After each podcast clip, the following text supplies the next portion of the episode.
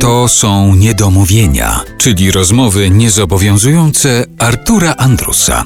Henryk Miśkiewicz jest dzisiaj naszym gościem w Niedomówieniach w RMF Classic. Chciałbym wrócić na chwilę do tego, jak ty zacząłeś grać jazz, czy słuchać jazzu, uczyć się jazzu, bo ci, którzy pierwsi zaczynali w naszym kraju, pokolenie Wojciecha Karolaka, Jana Ptaszyna Wróblewskiego, wspominają, że oni uczyli się tego jazzu słuchając głosu Ameryki i stamtąd ten jazz do nich docierał. A ty skąd czerpałeś? No, moje pokolenie jest niedużo młodsze. Jeszcze wtedy w ten sam sposób prawie, że żeśmy się uczyli muzyki. No, y, może nam łatwiej było, bo już większy dostęp do płyt był i często płyty były z NRD przywożone tutaj z muzykami amerykańskimi nagrane. I myśmy z kolei płyty przegrywali na magnetofony i z tych taśm żeśmy po prostu spisywali różne rzeczy.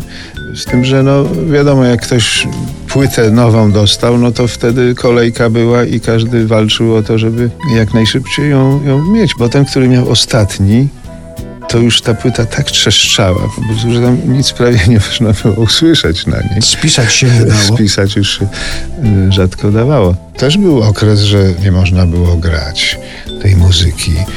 Ja na przykład w liceum muzycznym we Wrocławiu, jak byłem i wystąpiłem na jazzie nad Odrą jako 15-letni chłopak i tam akurat się tak trafiło, że dostałem wyróżnienie jako najmłodszy uczestnik klarnecista. Ukazał się anons w gazecie z tego festiwalu.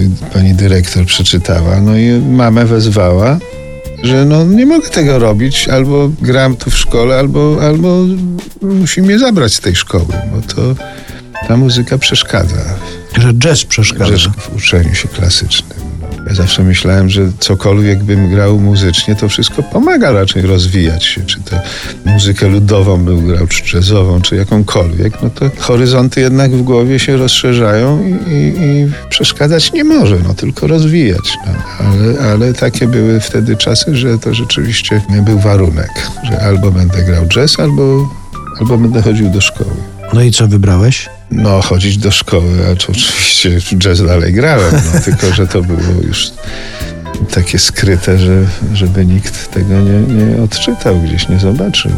A na koncerty chodziłeś? Słuchać tak. Natomiast grałem w klubach studenckich, grałem, żeby, żeby sobie dorobić do internatu. To graliśmy w klubach muzykę taneczną kwartet jazzowy, muzykę swingową żeśmy grali i ludzie przy tym tańczyli. Pamiętam jak moja żona zaczęła prowadzić harendę tutaj w Warszawie w latach chyba dwutysięcznych i zrobiła taki jeden dzień swingowy.